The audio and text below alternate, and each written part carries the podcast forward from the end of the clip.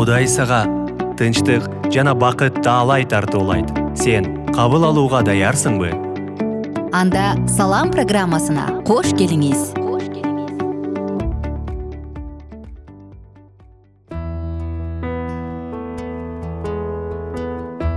Арбаңыздар кадырлуу замандаштар баардык замандаштарыбызга биздин подкастты тыңдап жаткан угармандарыбызга салам айтабыз. Жана сиздер менен кайрадан сонун уктуруубузду салам деп аталган саатыбызды баштадык. Достор сиздерге сүйүү каалайбыз. Анткени сүйүү адамдын ден соолугун гана бекемдебестен адамды бактылуу гана кылбастан сүйүү адамдын жашоосунун маңызын берет эмеспи. Ошондуктан жаратуучу сизди сүйөт сизди сүйгөн адамдар көп жана боло берсин деген тилек менен биз кийинки сабагыбызды баштадык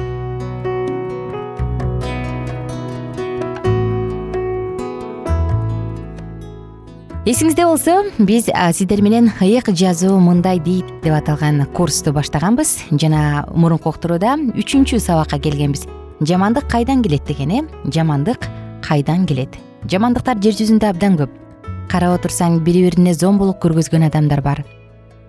Катуу оорулардан каза болуп калып аткан адамдар бар. Жер кырсыктары жаратылыш кырсыктары авария катастрофа айтор карап отурсаң жамандыктар абдан көп. Булардын баардыгы кайда келет башына жамандык түшкөндө адам сөзсүз түрдө эле кудай жардам бер дейт. Андан кийинки кезекте эмнеге мындай болуп калды? Эмнеге мени менен бул учур болду? Эмнеге? деген эмнеге? деген көп суроолор көп болот эмеспи. Сиздин башыңыздан өткөн болсо билесиз. Эгерде өтө элек болсо мындай учур өтпөй эле койсун дейбиз. Эмне себептен достор анткени жерде шайтан бийлик кылып келет э. Шайтанды болсо кайдан пайда болгон дегенде мурунку уктурууда биз айтканбыз. Аны кудай шайтан кылып жараткан эмес деп. Эң башында ал люцифер деген акылдуу сулуу жеткилең периште болчу. Бирок текеберденип көрө албастык кылып кызганыч пайда болгондуктан ал кудайга каршы чыккан. Мынакей анда кеттик. Биз андан ары саатыбызды уланталы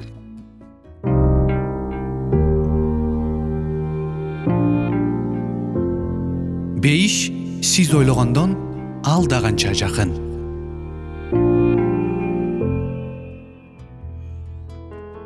жердеги кыйынчылыктар жамандылыкта жаманчылыктар жамандыктар булардын баардыгы тең күнөөнүн кесепетинен болуп жатпайбы.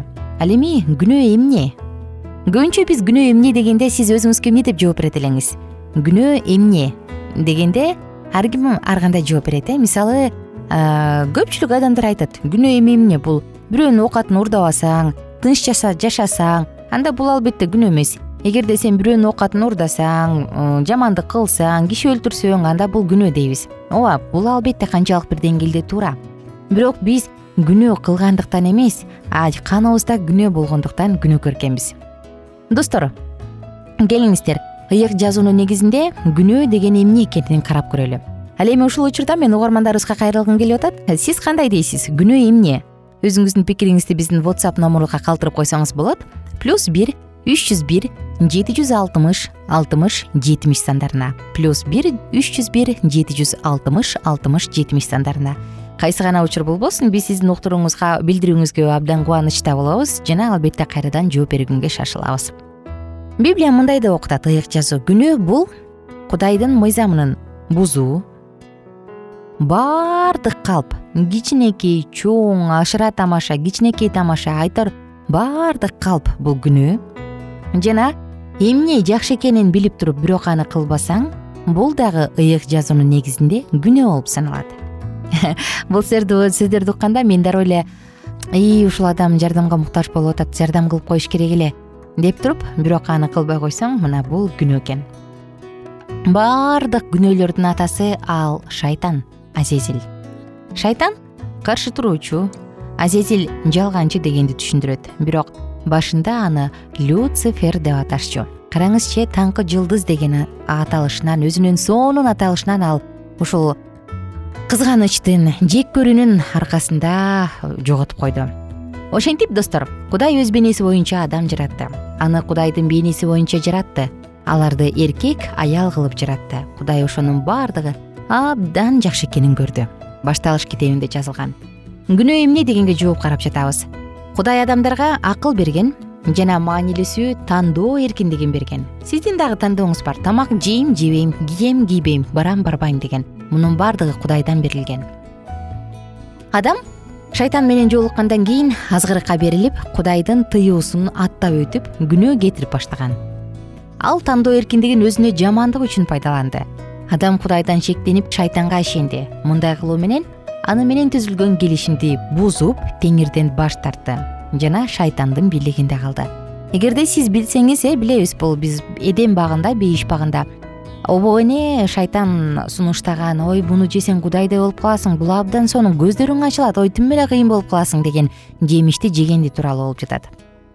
Карасак эми күнөөнүн кесепети кандай? Кандай кесепеттери бар?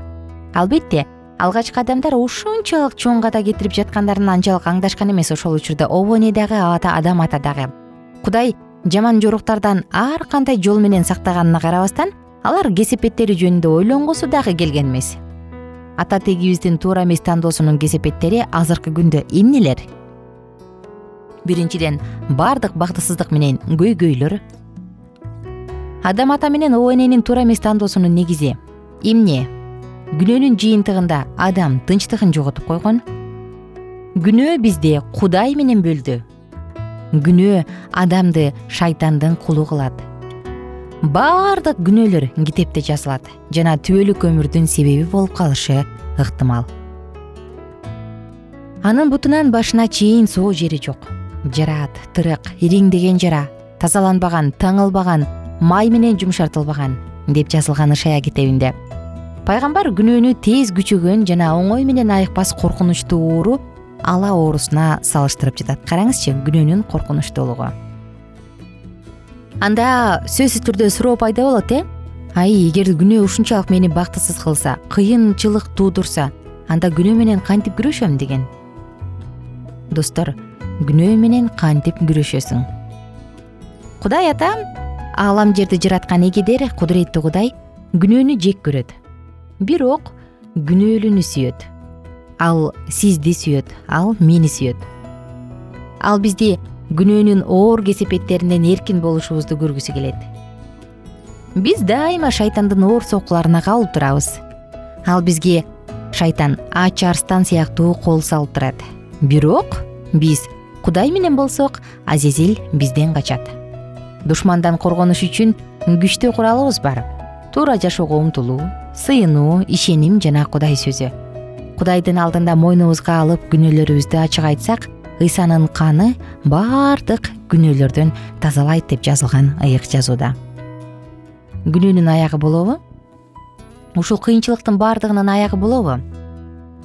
Күнөө жана анын азгыруучусунун акыры болот достор ишенип коюңуз. Кудай ыйык жазуу шайтан менен анын периштелерин сот күтүп турганын айтат алар олуттуу көлдө жок болот оттуу көлдө. Ал эми күнөө болсо кайра эч качан пайда болбойт. Жолоочу муздак каскада жаткан жылаанга боору ооруп төшүнө жылытып алат. Бирок сойлоп жүрүүчү тирилип адамды чагып алат дагы көз жумат.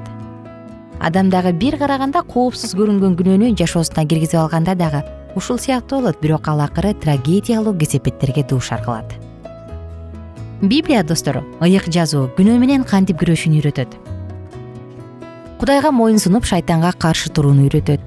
Күнөөгө баш ийбөөгө кудайдын баардык куралдарын колдонууну туура жашоого умтулуу сыйынуу ишеним жана кудайдын сөзүн изилдөөгө үйрөтөт. Күнөөнү ыйса машаяктын жардамы менен жеңүүгө үйрөтөт. Дал ушул нерселердин негизинде сиз күнөөнүн үстүнөн кудайдын жардамы менен жеңишке жетесиз жана жамандыктын кесепети жашооңузда болбойт биздин сабактар менен кененирээк алкитап чекит медиа сайтынан таанышыңыз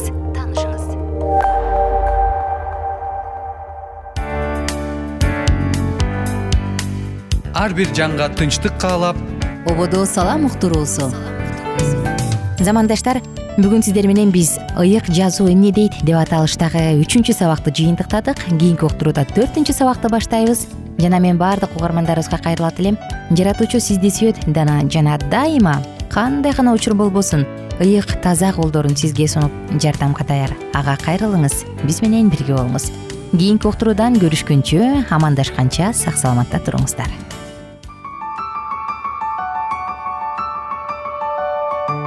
бир гана аллах чыныгы тынчтык берет.